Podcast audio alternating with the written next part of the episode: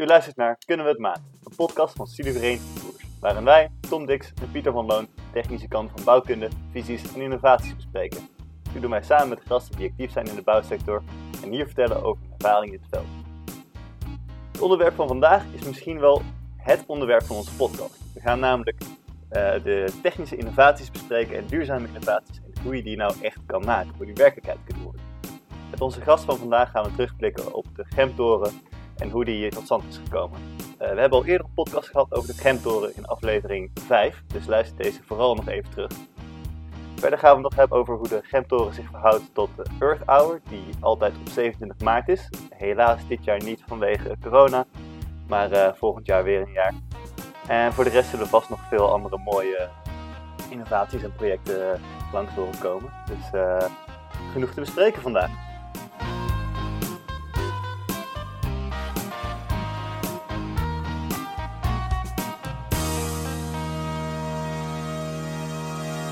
Zoals altijd uh, gaan we eerst even terugblikken op de vorige aflevering. En dat was uh, met uh, Mantijn van het Niebe, directeur van het Niebe. En ik vond het heel interessant, Pieter. Wat, wat, was jou daarbij bijgebleven bij die aflevering? Ja, ik vond het een superleuk gesprek. Sowieso altijd wel leuk om een keer een beetje een, ja, een wat aanverwant onderwerp te hebben om over te spreken. Dus niet per se de kern waar we mee bezig houden, maar wel iets wat ons in principe ook bezig hoort te houden.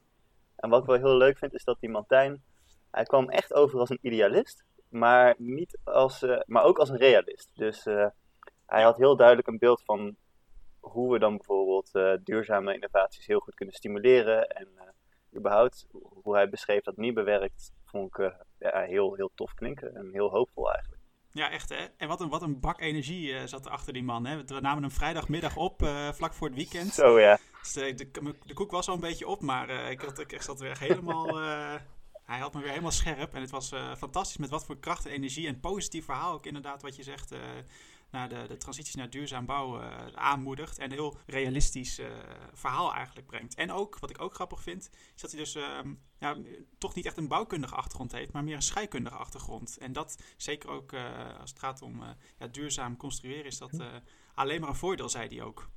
Dus ja, ja, waanzinnig. De, de, de hele lifecycle assessment was natuurlijk even nog een beetje een zwarte doos voor, uh, voor ons en voor uh, vele luisteraars wellicht ook. Maar uh, mm -hmm. er zijn veel wat, ja, het heeft mij veel inzicht gegeven in ieder geval. En dat stiekem, want echt, ik zeg altijd tegen mensen die niet zo goed met ja, de bouwwereld bekend zijn, van wat het voor gasten hebben in de overvloer. En zeg ik, nou ja, binnen de bouwwereld hebben wij volgens mij echt een pingpopwaardige line-up aan gasten.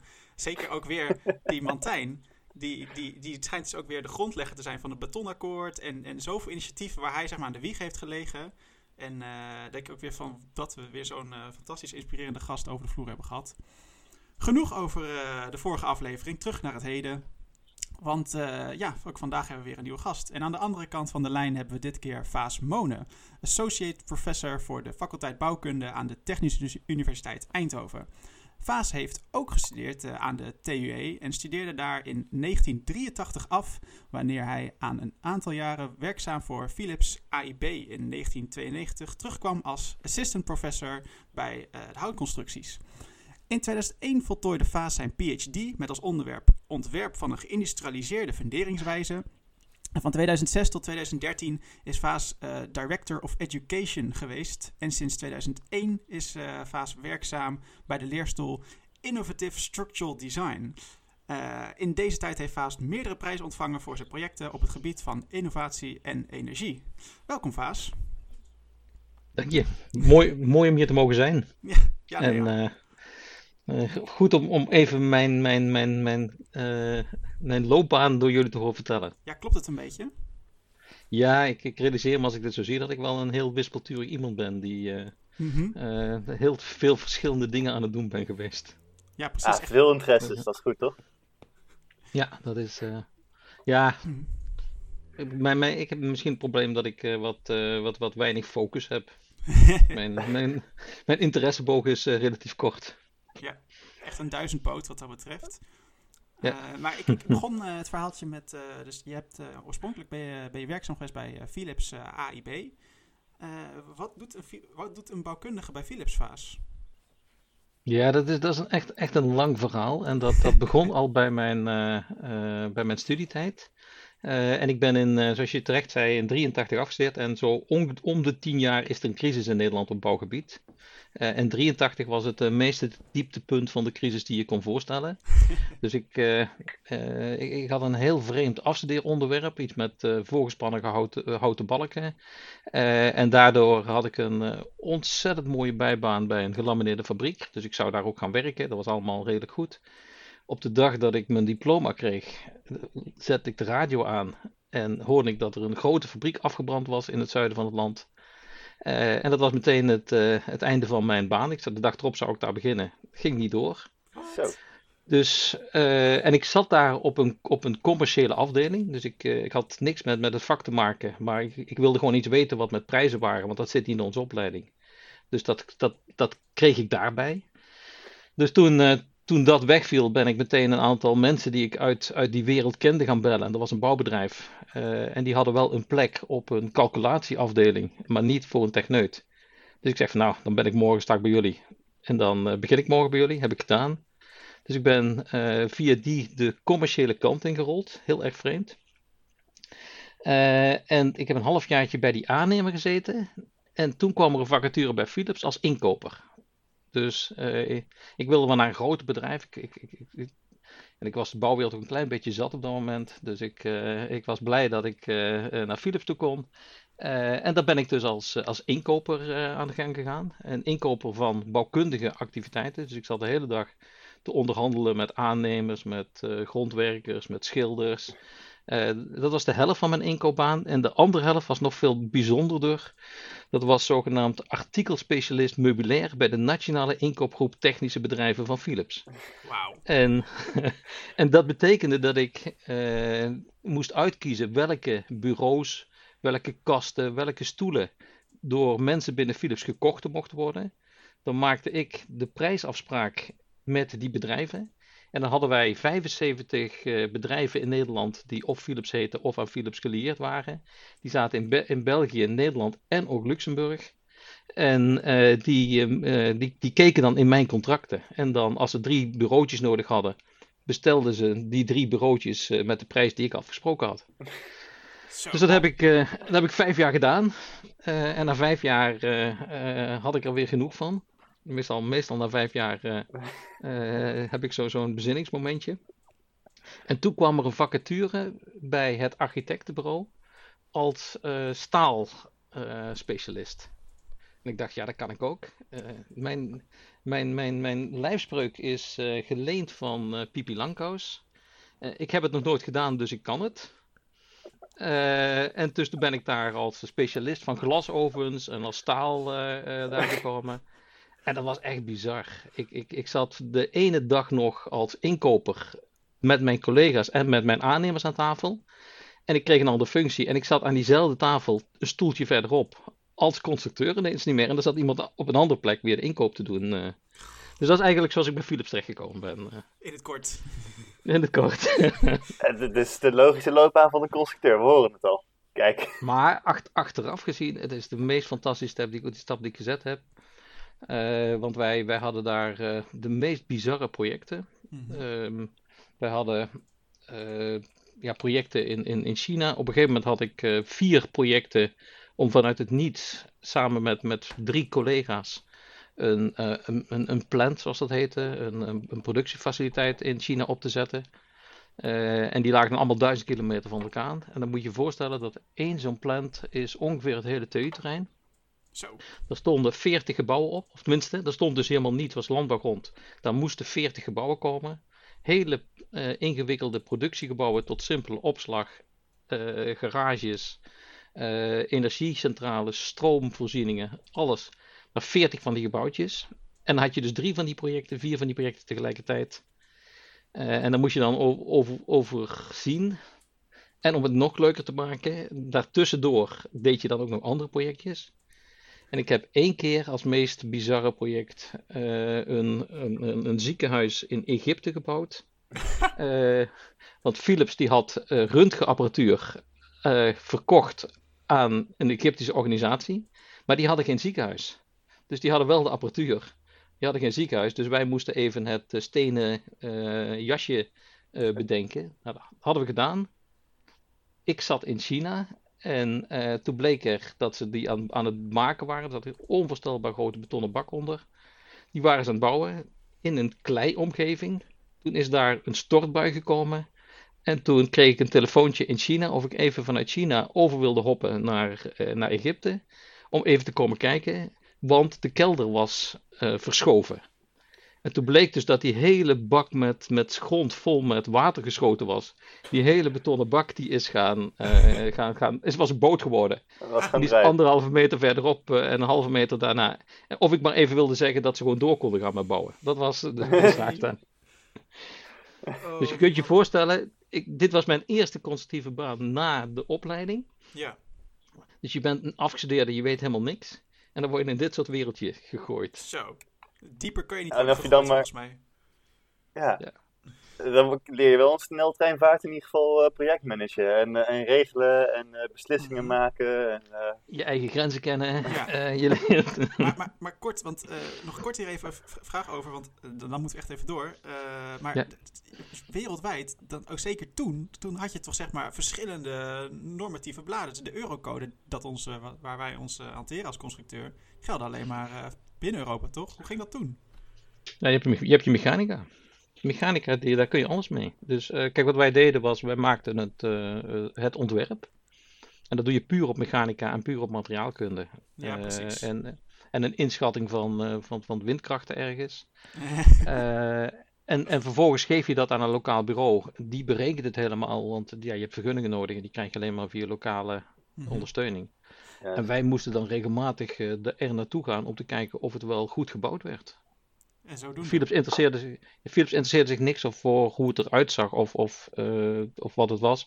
Maar het gebouw moest goed zijn. Want als er uh, lekkages of, of stof in een gebouw komt, dan heb je, is je tv uh, een uitval.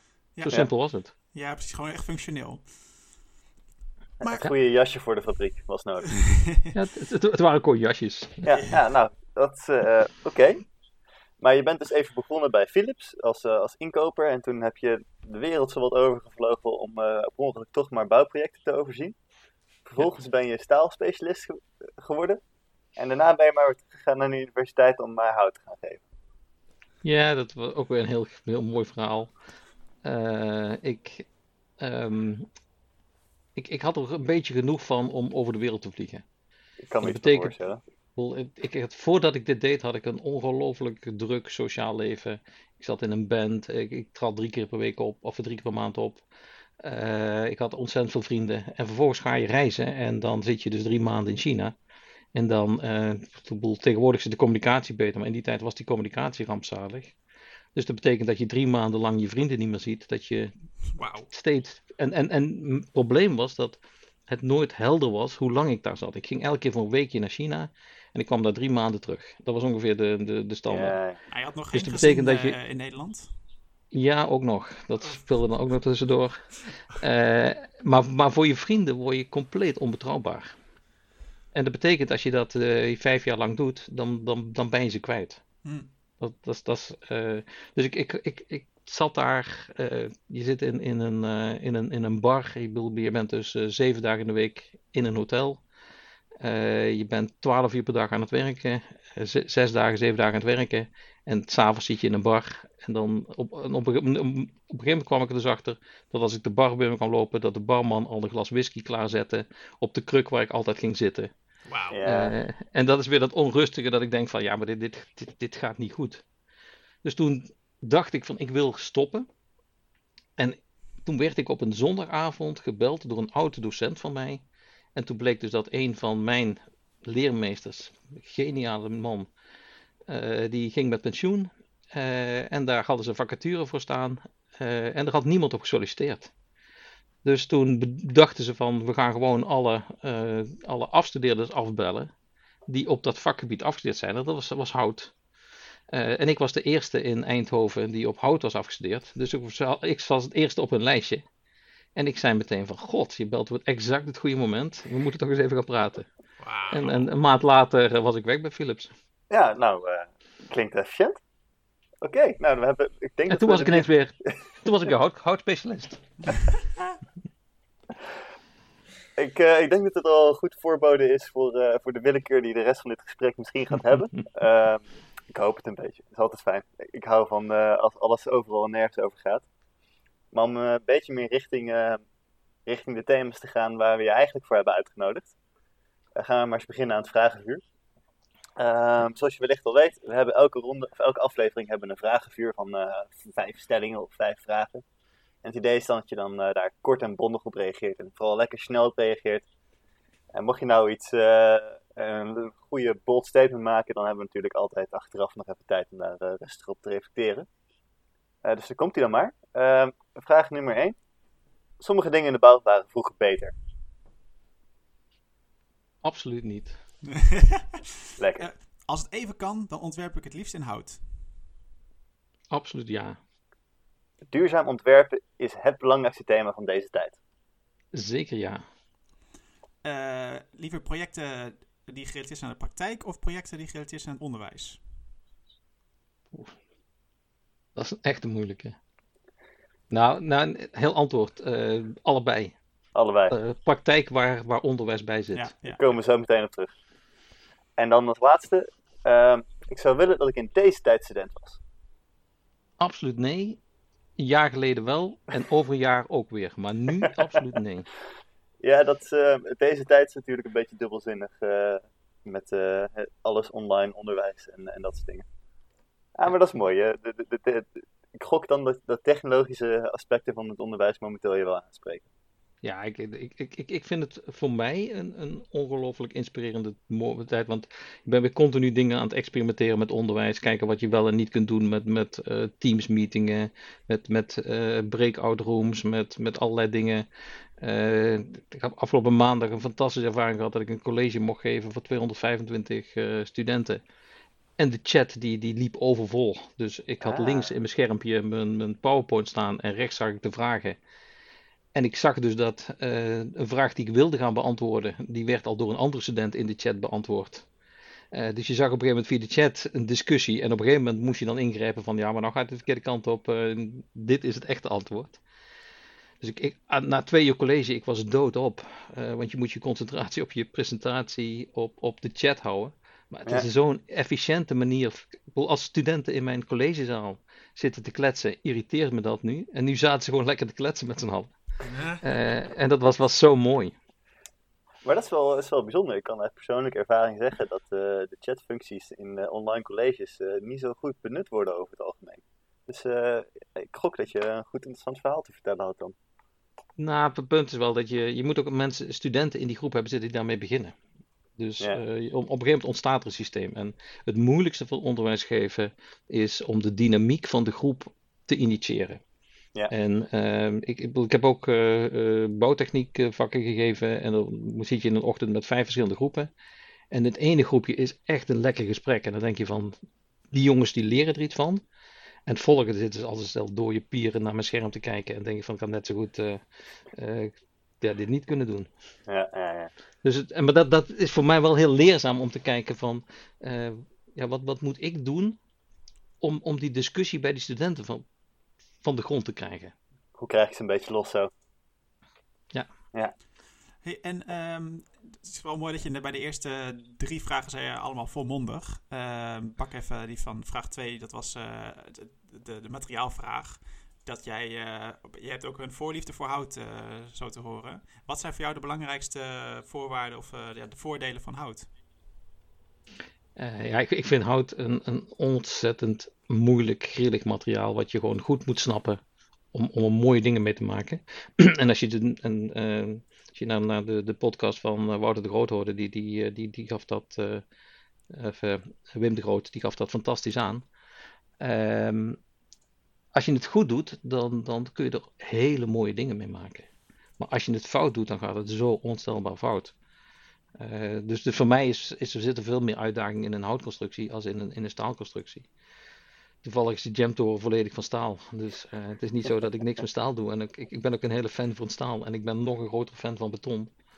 Uh, maar ik, ik vind, ik vind als, als ik echt de, de, hele vrije keuze heb, dan, dan is het hout. Je hebt natuurlijk ook uh, projecten gedaan uh, met hout, hè? zoals je, je welbekende trekkershut. Uh, ja. Ongetwijfeld nog wel andere. Ja, de, de Summerlab huisjes. Oh ja. maar daar zat ook heel veel hergebruik van materialen in. Dus dat was ook veel, veel proberen te vertellen met, met, met het bouwen. Dat is eigenlijk... Ja, ik denk, denk dat ik te veel een soort docent ben die ook zelfs in, in, mijn, in mijn gebouwtjes mhm. onderwijs wil geven. Ja, precies. Er moet een les in zitten. Ja. En dan misschien mooi even doorkoppelen naar, uh, naar onze vierde stelling of vraag. Uh, er was over uh, projecten in de praktijk of projecten over het onderwijs. En je zei de combinatie daarvan. Ja. Dat is eigenlijk ja, ik, de essentie van vandaag. Ik heb, ik, heb, ik heb het geluk gehad dat ik een aantal projecten heb mogen doen waar uh, ik studenten heel snel kon betrekken in, in het ontwerpen, maar ook in het, in het maken.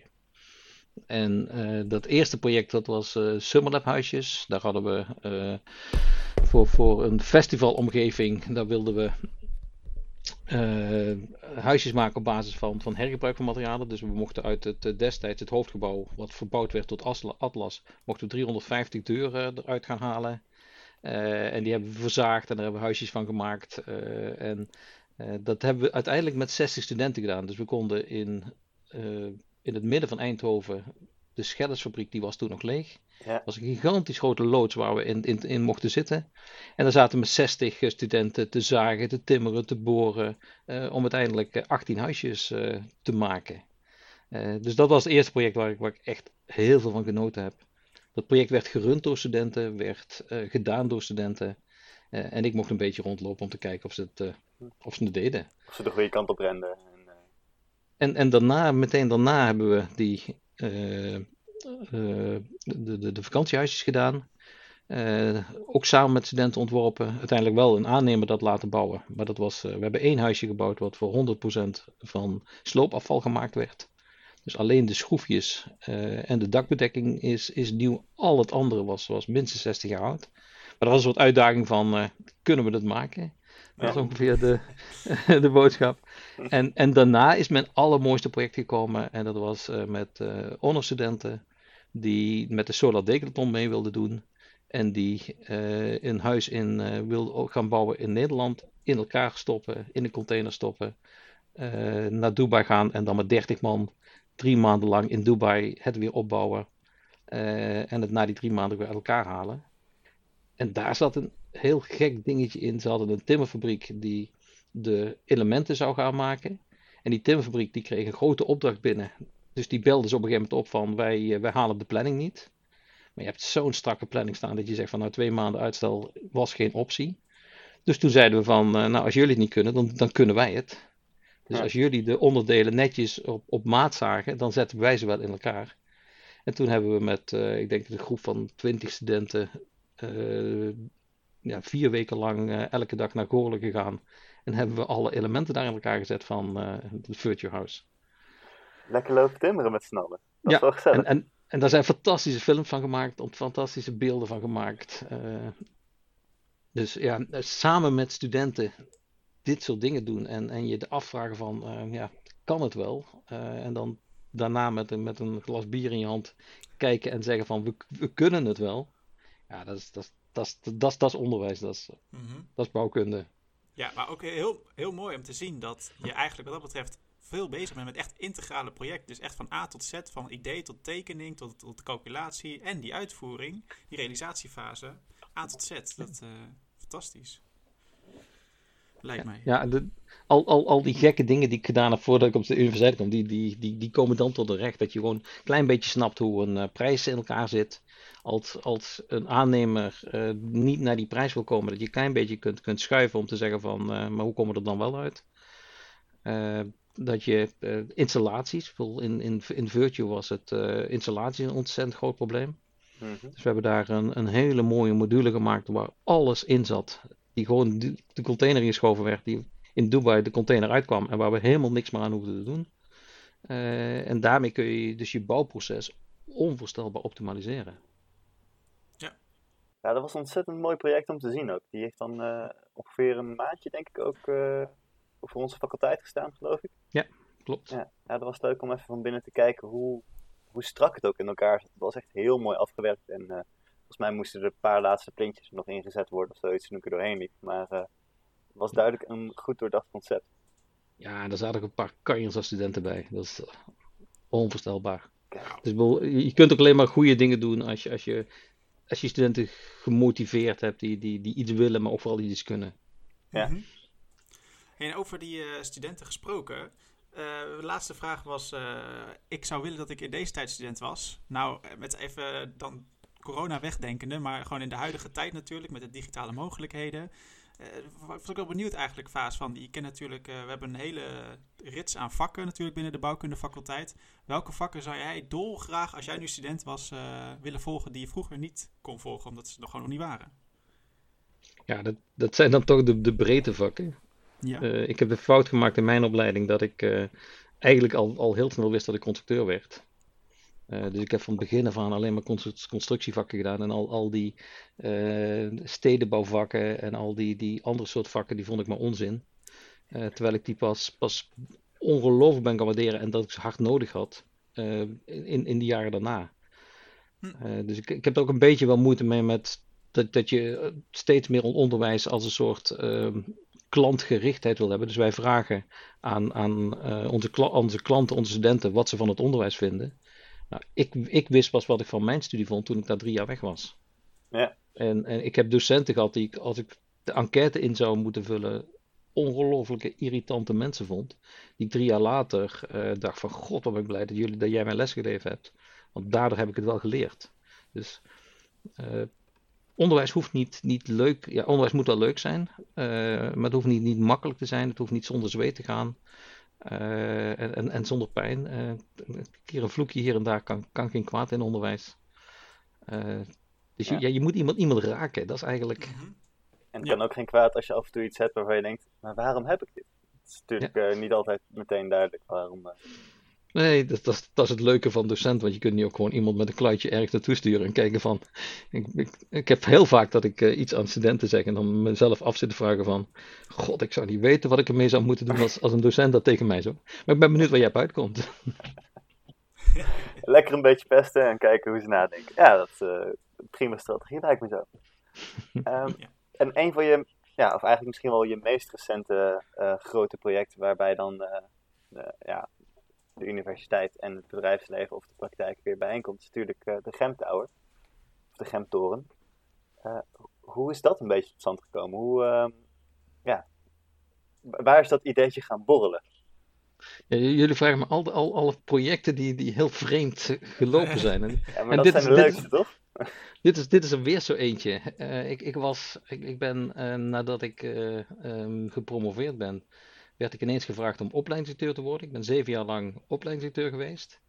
Uh, en ik herinner me nog dat ik uh, op een zondagmiddag in mijn tuin onkruid aan het uittrekken was. En dacht van, ik vind het eigenlijk helemaal niet meer leuk. Ik, wat, wat, wat ik de komende week ga doen, ik, ik zit totaal niet uit te kijken naar wat ik de komende week ga doen. Dus toen dacht ik van, ik moet er gewoon mee stoppen. Dus ik ben maandagochtend naar het bestuur gegaan en gezegd van, uh, reken niet meer op mij. Uh, ik, ik, ik, ga iets anders doen. Zoek, zoek een vervanger voor mij. Uh, en toen had ik het gevoel dat ik in die afgelopen jaren daar zo ontzettend veel voor de faculteit gedaan had en zo weinig voor mezelf gedaan had, dat ik denk van ik ga alleen maar leuke dingen doen. De komende vijf jaar ga ik alleen maar leuke dingen doen.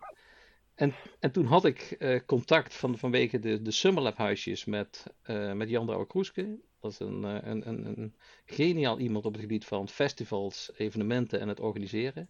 Uh-huh. Uh, en die had een, een, een, uh, een idee dat hij wetenschap naar het uh, algemene publiek wilde brengen. Dat hij wetenschap bespreekbaar wilde maken.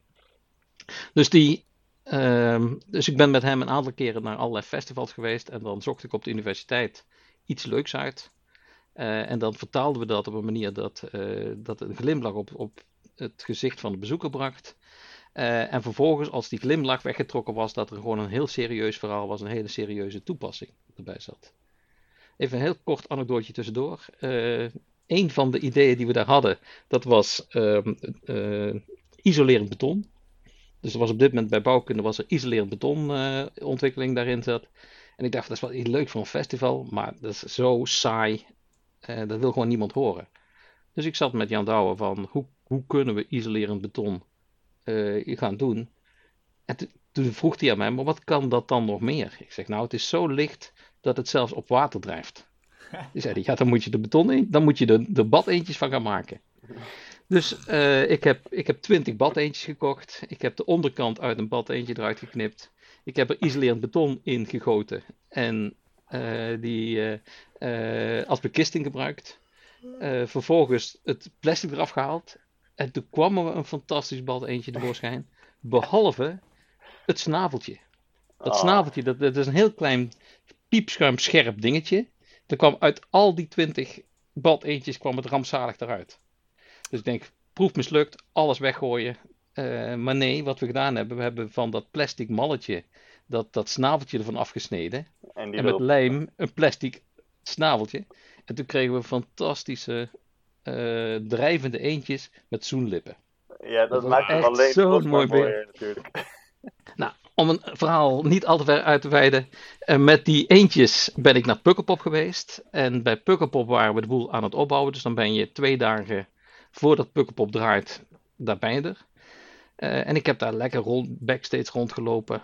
Uh, en ik kom daar een, een rij met dieselgeneratoren tegen, waar je, waar je koud van wordt. Uh, en toen zei dus een van die techneuten tegen mij van, ik zeg van ja, wat, wat, wat, verbruikt dit nu? Nou, zei hij, we hebben zo'n 100.000 liter uh, ingeslagen. Maar ik denk dat we zondagmiddag nog wel een extra wagen moeten laten komen. En, en een half uur later zit je aan de voorkant van het festivalterrein. En dan hoor je dat uh, het, al die festivals aan het vertellen zijn dat ze zo duurzaam zijn. Want we besparen onze plastic bekertjes.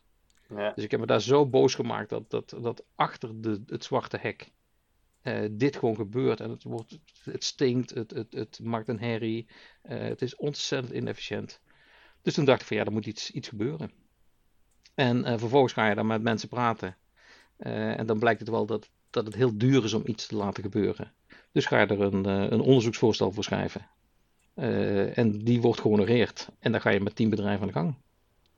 Kijk, en zo pakken we het aan. Dus meestal, meestal beginnen ideeën met een soort frustratie. frustratie lijkt me een goede start om, uh, om een oplossing voor te verzinnen. Dat je in ieder geval meteen de drijfveer erachter lijkt me zo. En, en, en belangrijk is zorgen dat je, dat je goede mensen om je heen hebt zitten. Dat je dat, je dat soort dingen niet alleen doet, dat je uh, kunt sparren met, met van tevoren. Uh, en, en, ja, dat wordt ook veel leuker om het uit te voeren.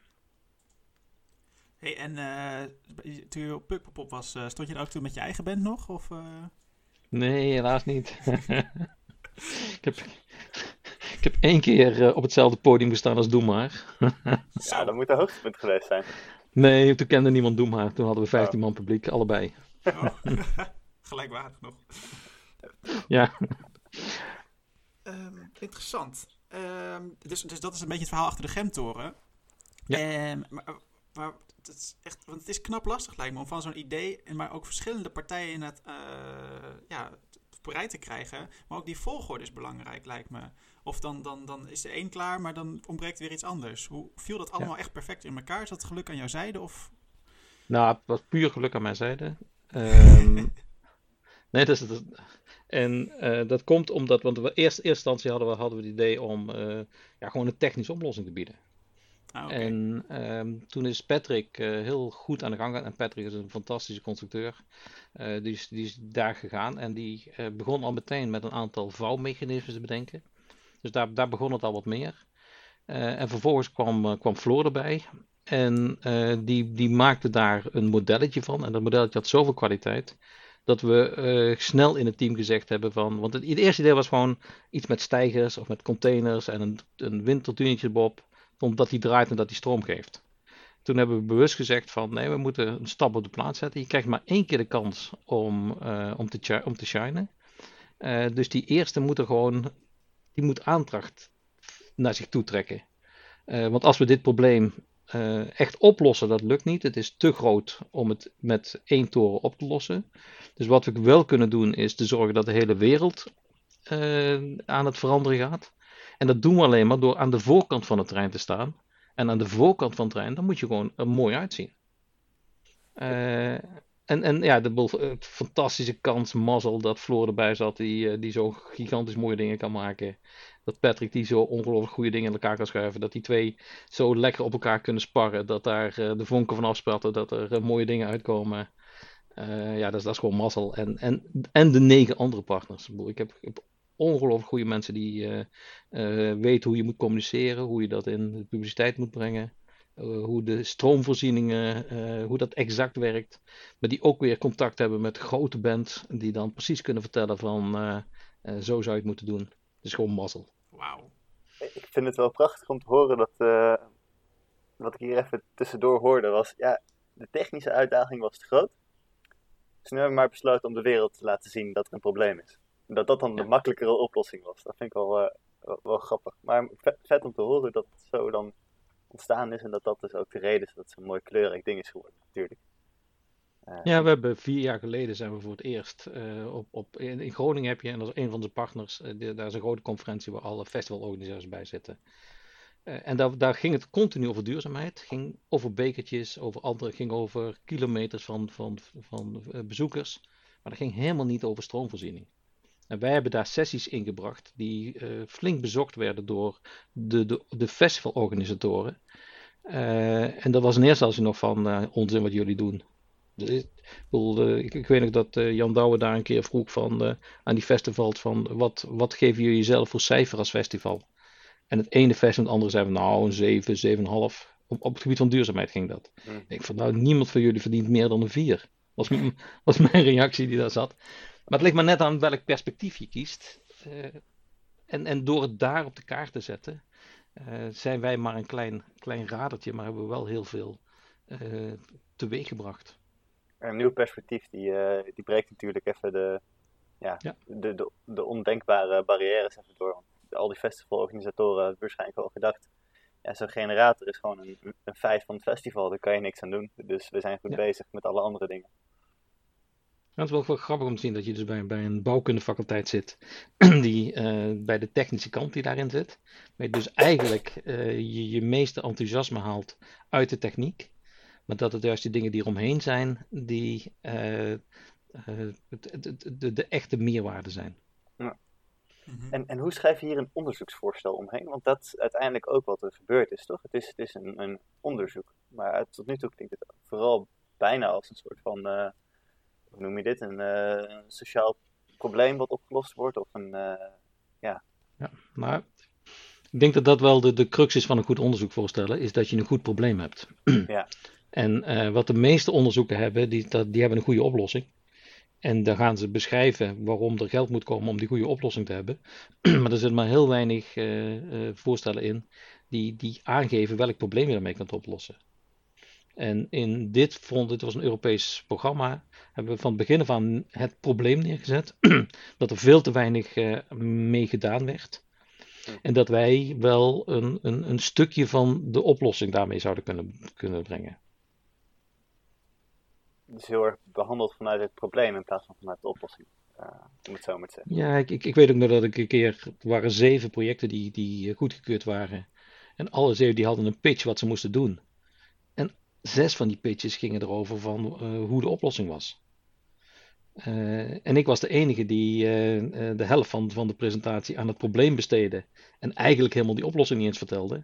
Ja. En ik had, ik had de meeste, meeste feedback, de meeste respons, de meeste vragen die daar waren.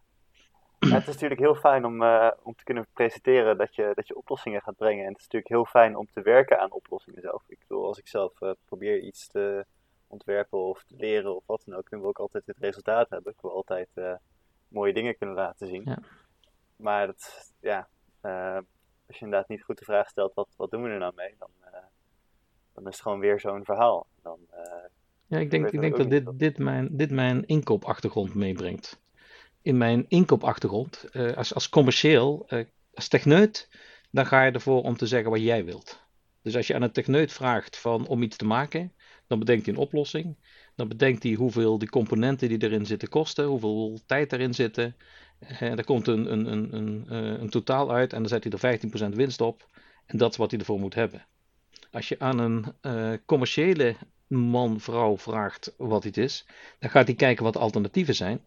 Dan gaat hij kijken wat de, de wereld betaalt voor zo'n zo soortgelijke oplossingen. En dan denkt hij van, nou voor 15% moet ik het kunnen maken. Dus dit is het bedrag wat ik ervoor kan vragen. Uh, en dit is wat we gaan doen. En dat is een totaal andere insteek als je vanuit de gebruiker gaat denken, in plaats van uit de maker gaat zitten denken. dus ik denk dat ik het plezier heb gehad dat ik in beide werelden ooit uh, rondgelopen heb. En, uh... Fascinerend.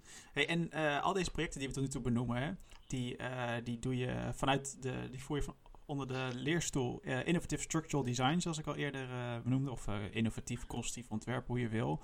En op de faculteit bouwkunde, die kent, of in ieder geval van de, de, de, de, de Structural Design en Structural Engineering en Design, dus echt constructief, die kent vier leerstoelen: beton, staal en aluminium, mechanica en dus jullie stoel, innovatief constructief ontwerp.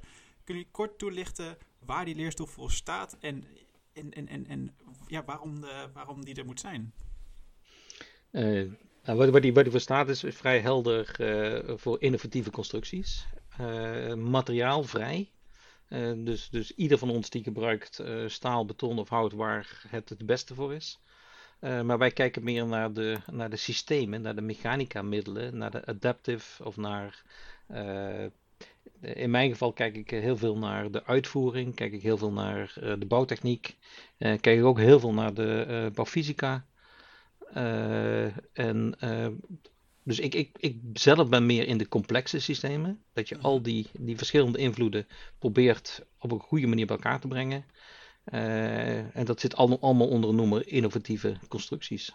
Ja, en die, dat je zegt bouwtechniek, die hadden we vroeger ook, die tak die is uh, komen te vervallen. Wat, wat, hoe kijk je terug op die ontwikkeling? Hoe is dat gegaan? Dat... Ah, dat, dat is een hele pijnlijke.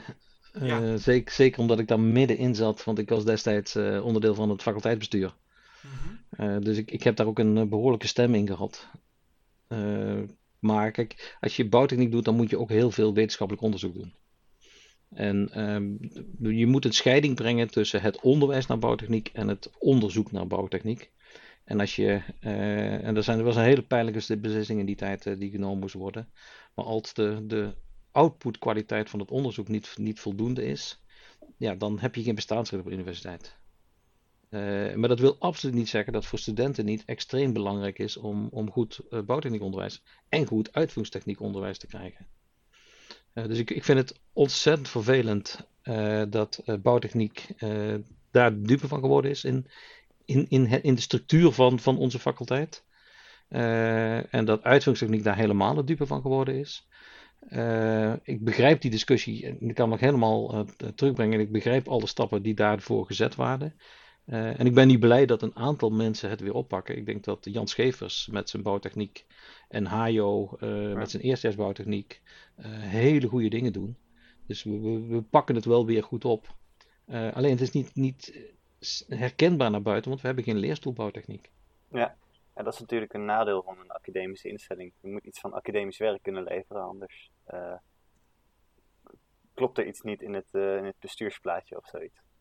Nee, kijk, en, en de, de kracht van, van een, een uh, universiteit is dat je jezelf op het puntje van je stoel laat zitten de hele tijd. Door onderzoek te doen, door met, met mensen samen onderzoek te doen, zodat je ook weet wat de rest van de wereld daar, daarin doet. Uh, en als dat geen, geen onderdeel is van je lesprogramma, uh, dan, dan mist er iets. Ja, ja dat is dan uh, voor, voor, de, voor de bouwkundigen soms misschien. dus ik vond het altijd zelf mhm. een teleurstelling dat er inderdaad relatief weinig bouwtechniek was in de opleiding. Maar het is wel ja, het is een logische verklaring. Moet ik maar zelf een beetje rondneuzen. Gaat vrij goed gelukkig. En inderdaad, het vak van Jan Schevers, Architectural Engineering heette het geloof ik. Nou, Jan, doet mee, Jan doet in het tweede jaar doet hij, uh, ont, ont, heeft hij een heel leuk vak waar ik, waar ik zelf ook mee mag helpen. Ah, okay. uh, en in, in de master heeft hij uh, die architectural engineering waar hij echt mensen met, met hamer en een zaag aan het werk zet. dus ik, ik vind het al wel prettig om samen met Jan te werken. Ja, ik heb lekker lopen knutselen vorig jaar. Maar die, dat tweedejaarsvak dat bestond ik nog niet toen ik in het tweede jaar zat. Nee, dat zou goed kunnen. ik begin hier ook alweer een tijdje rond te lopen ondertussen.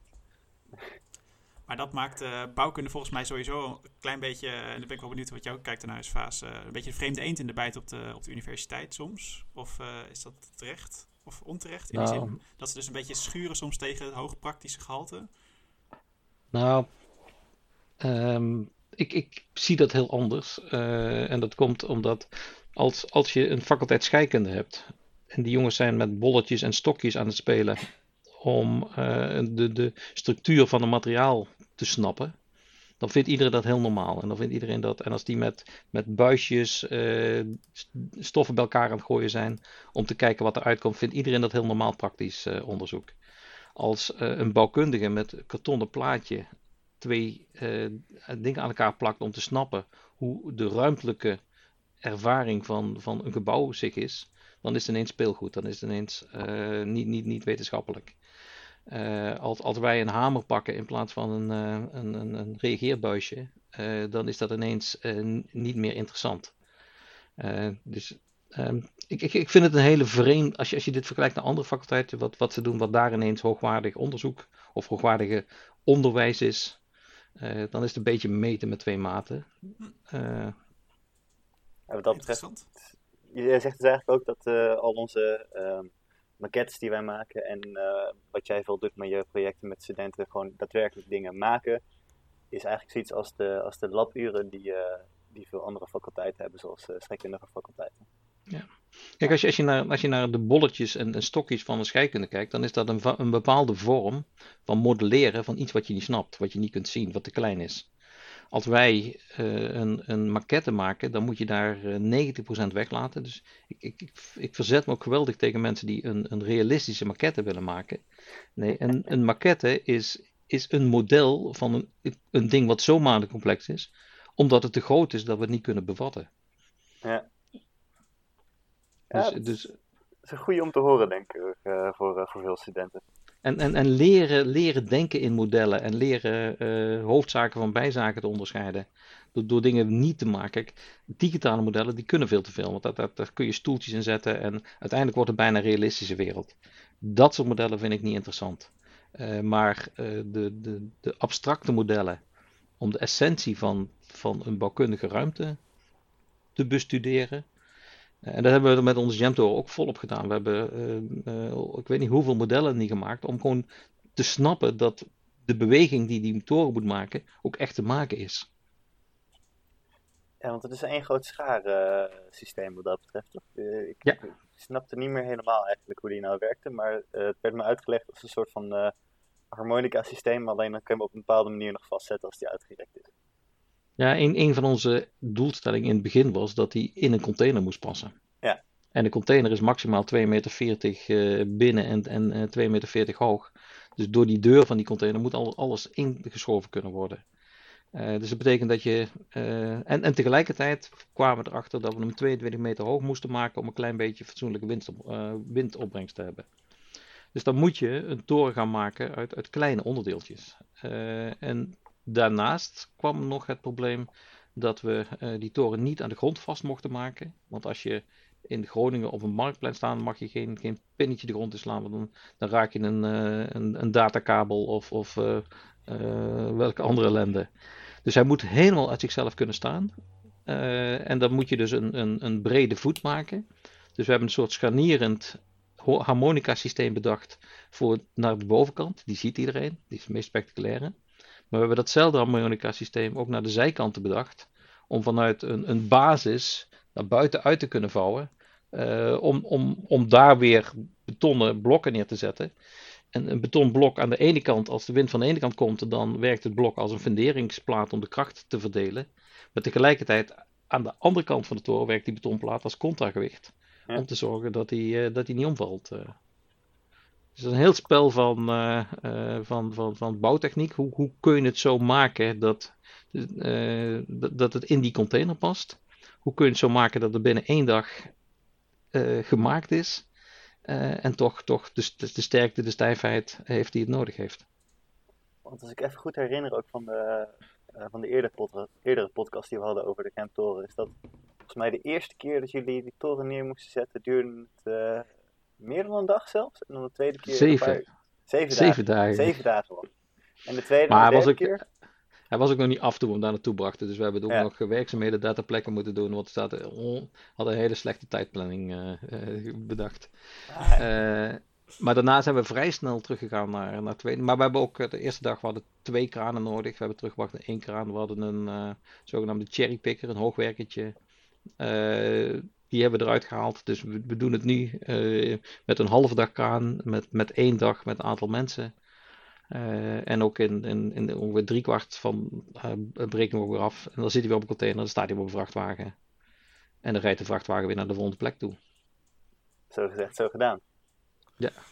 Ik wou nog even terug naar die leerstoel. Uh, ik blijf die fascinerend vinden.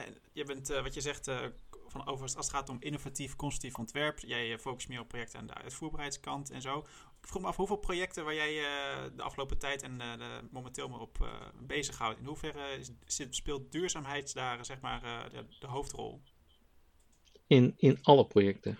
Ja, dat is echt jouw, jouw eerste uitgangspunt, hè? Ik, ik heb op dit moment vijf projecten in mijn omgeving lopen. Waarvan mhm. de Jamtoren natuurlijk de meest opvallende is met, met duurzaamheid. Ik heb een uh, project lopen met uh, een stel Belgische onderzoeksinstituten om uh, woningen duurzaam te maken. En dat is meer bouwtechniekopgave. dus hoe, kun je, hoe kun je woningen van particulieren verbouwen? want bij woningcorporaties gaat het vrij snel. Maar particulieren die zijn vrij moeilijk te vinden. En als je er eentje overtuigt, dan heb je één huisje. Dat schiet niet op. Dus dat project gaat daarover samen met Vlaanderen. Uh, ik heb een project om uh, uh, graafmachines op de bouwplaats volledig elektrisch te maken. Oh. dus dat is een groot, groot project voor de komende drie jaar. Ik heb een project voor, een, in, voor een bedrijfshal die een demonstratieproject moet worden op het gebied van duurzaamheid. dus die wordt gebouwd en vervolgens moet daar straks iedereen naar komen kijken van hoe, hoe het ook kan. Mm -hmm. en volgens mij vergeet ik nog eentje. Uh, ben, uh, op op biobased. Ik, ik heb nog een heel oh. groot project over biobased uh, materialen. ik wou net zeggen, er was er nog eentje. Je mag een van je kinderen niet vergeten natuurlijk. Hè? Dat, um, die, die, die is zelfs heel letterlijk, die je nou net zei. Oké. Altijd mooi. Um, ik, ik werd even, mijn aandacht werd even geprikkeld bij, toen je het had over de, over, over de graafmachines.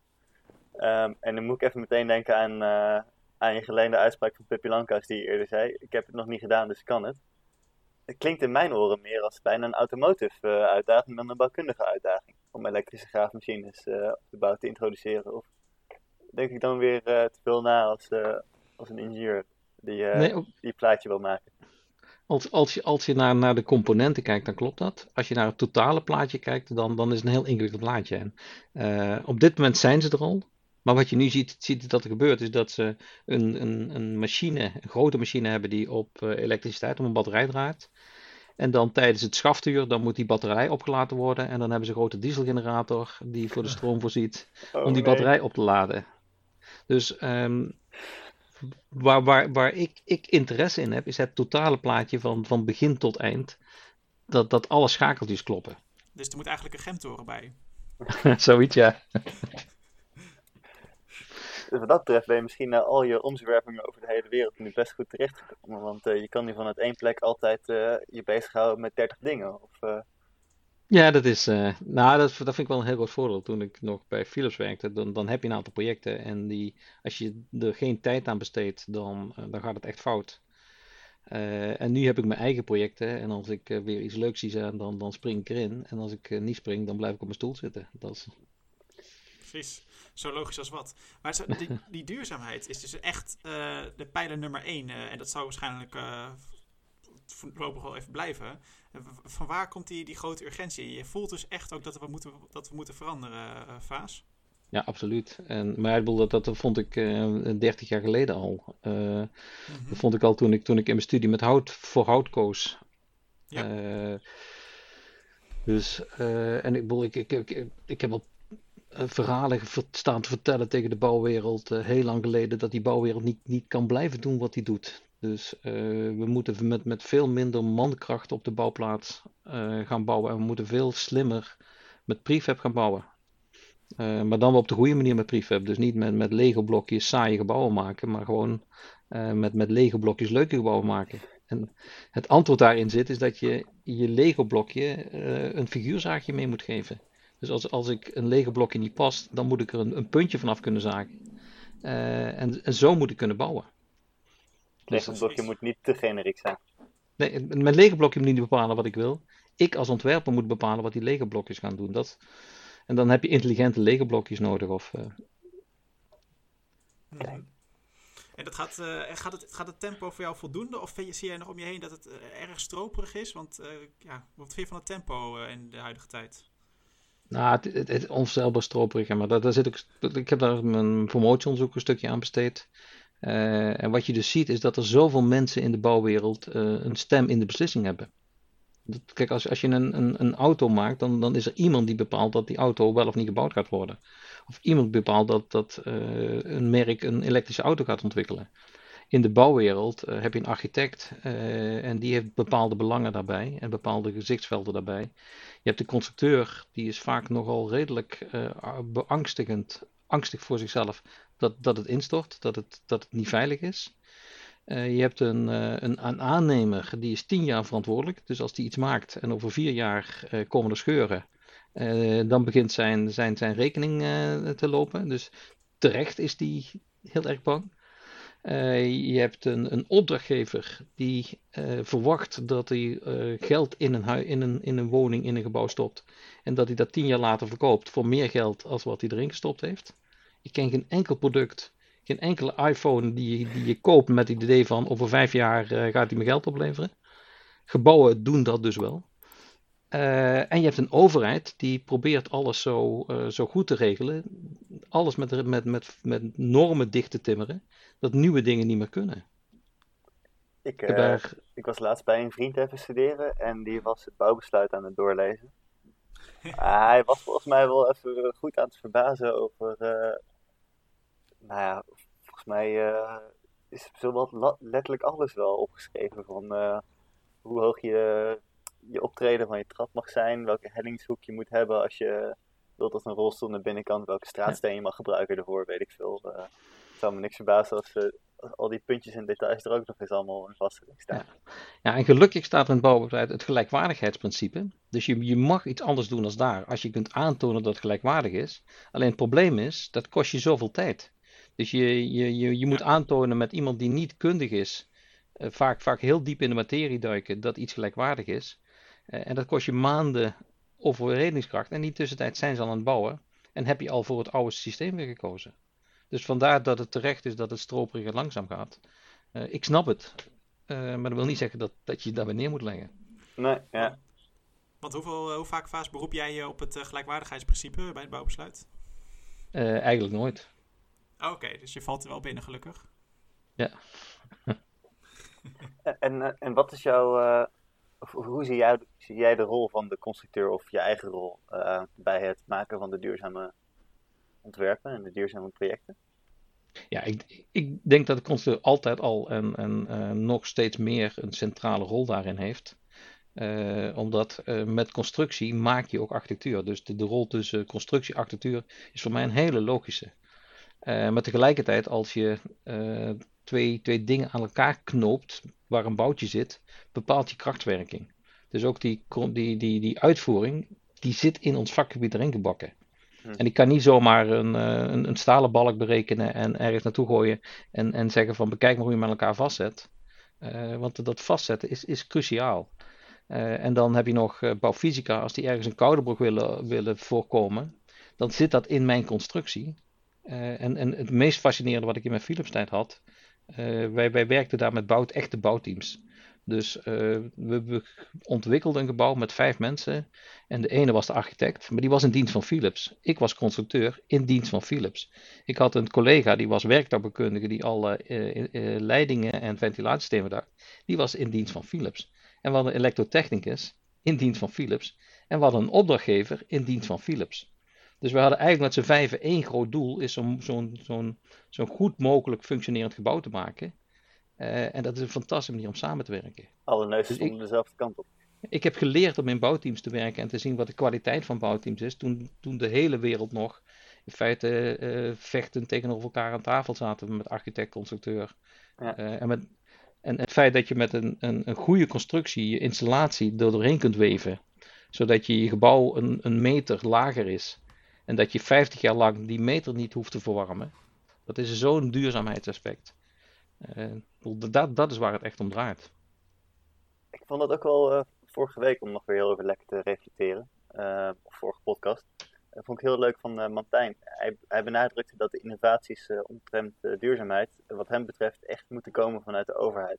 Want de overheid kan relatief makkelijk in aanbestedingen ook zeggen van hé, hey, wij, wij willen gewoon dit of wij eisen gewoon dit en we kunnen er iets meer voor betalen. Waardoor je ervoor zorgt dat alle partijen die zich bij gaan, ja, die zich betrekken bij zo'n aanbesteding, dat die allemaal uh, samen gaan werken aan oké, hoe kunnen we inderdaad zorgen voor dat uh, de integratie zo duurzaam mogelijk is en de, de samenwerking goed loopt. Ja. Helemaal eens, maar, maar. Die, die overheid die weet niet wat die kan. Dus de overheid weet alleen maar hoe het op dit moment gebouwd kan worden. Dus die overheid zal, zal nooit zeggen: we gaan nu ineens met, alleen maar met dit materiaal bouwen. Uh, want ze weten niet of, of ze dan die hele economie draaiende kunnen houden. Dus de hele normgeving, de hele um, politieke apparaat is gebaseerd op de kennis van wat ze om zich heen zien. En mijn taak, en daarom vind ik het ook leuk om op festivals uh, te werken, is om te laten zien dat het anders kan. Dat je er andere dingen mee kunt doen.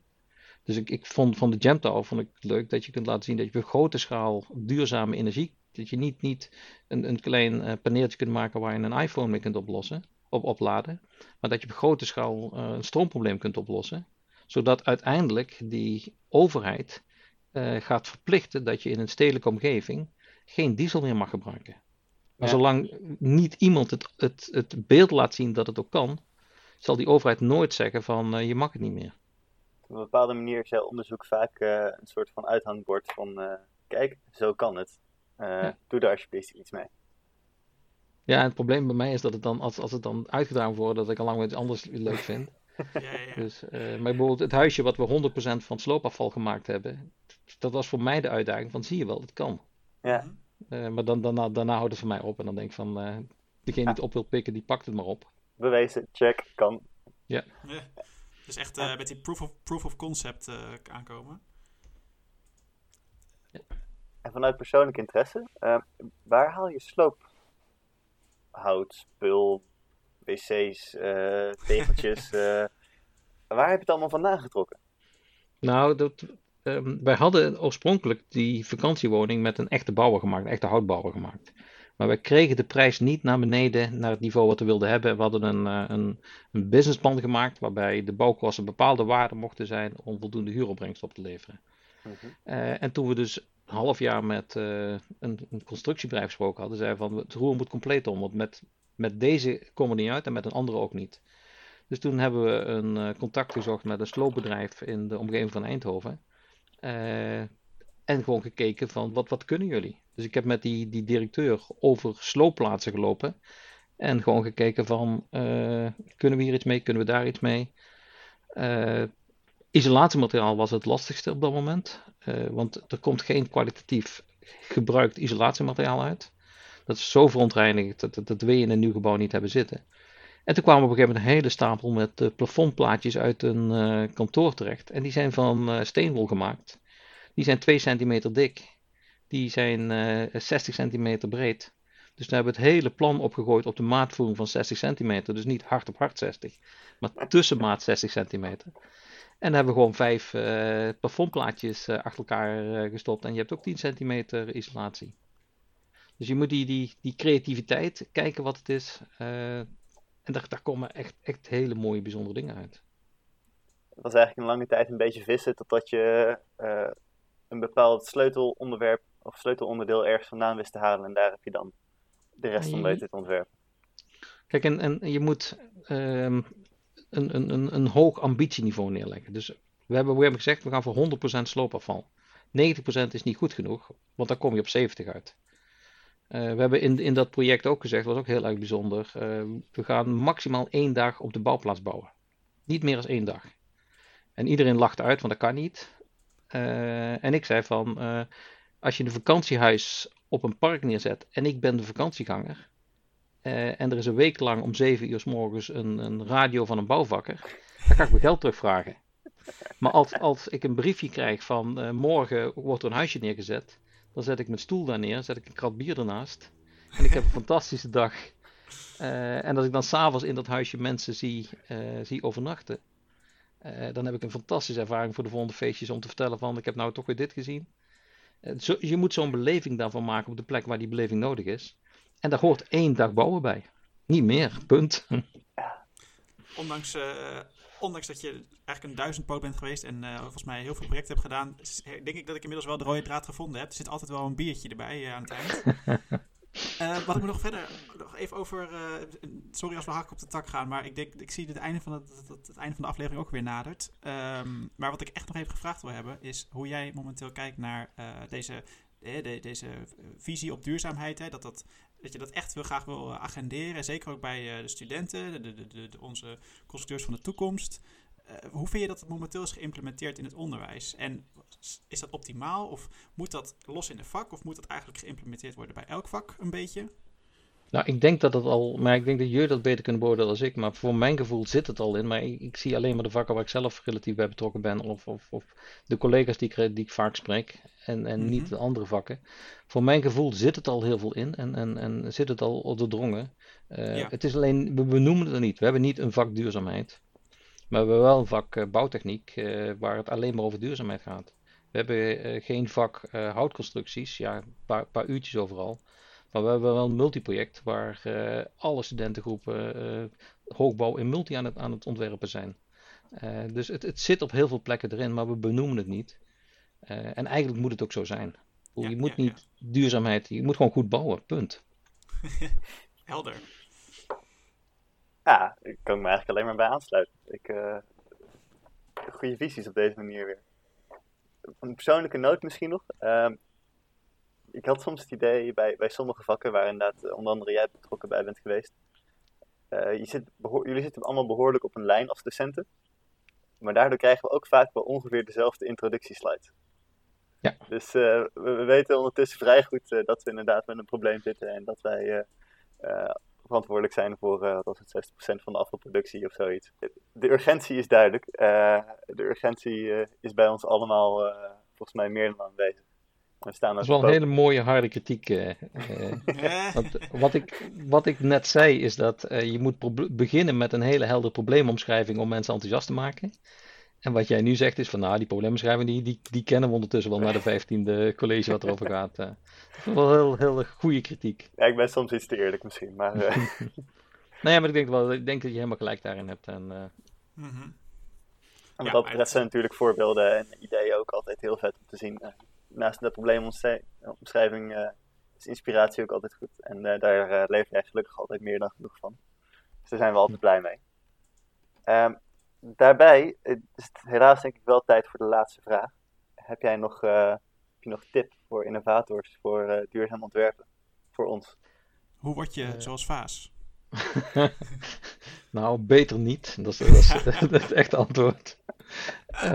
want het, het, is wel heel vermoeiend. Um, maar ehm, ja, zorg dat je goede mensen om je heen hebt. Zorg dat je, goede, ja, dat, dat je de middelen haalt om, om de dingen te kunnen doen. Ik heb die, die de vakantiehuisjes of de, de, de Summerlab huisjes eh, hadden we eigenlijk geen budget. 1000 euro per huisje. Uh, ja, daar kun je, kun je niet veel mee doen. Dus zorg dat je de, de, de, de context goed gezet hebt. Uh, en, en, en, met name uh, goede mensen. En, en zorg dat die mensen ook de waardering krijgen die, uh, die ze verdienen. Ik vind het prachtig. Dankjewel. Um, nou, sowieso hartstikke bedankt dat je uh, zeker alweer uh, meer dan een uur met ons willen praten. Uh, ik vond het ontzettend leuk. Weer een mooie gesprekken gehoord. Heerlijke, belachelijke anekdotes. En toch ook nog veel geleerd. Dank je. Ja, dit, dat is leuk, leuk om te doen. Super, nou ook uh, van mij eens gelijks. Uh, en, en, volgens mij, als je dit wat je net vertelde, als je het opschrijft in een boek, dan uh, je zou zeggen dat het op waar gebeurde feiten gebaseerd is, dan zouden mensen het soms nog niet geloven. Over een drijvend ziekenhuis in Egypte. maar we nemen het allemaal voor waar aan het kan, dus toch. Ja. was dat een fantastisch fase. Ook voor mij ontzettend bedankt. U luistert naar Kunnen we het maken? Gepresenteerd door mij, Tom Dix en Pieter van Loon. En tot slot willen wij de commissie die heeft geholpen uh, deze podcast te maken uiteraard bedanken. En ook jij bedankt voor het luisteren. Wil je graag reageren op deze aflevering? Dat kan. Dan moet je even mailen naar, uh, dat is uh, onze mail, podcast.koerstw.nl. Je kan ons ook volgen op Instagram, dat is weer @koersief. Je kan zelfs recensies achterlaten bij ons, dat kan weer bij iTunes. Um, en dat helpt ons bij het verbeteren van de show en anderen bij het vinden van de show. En zoals je van ons gewend bent, zijn we over twee weken weer terug met een volgende aflevering. Voor nu bedankt voor het luisteren en tot ziens.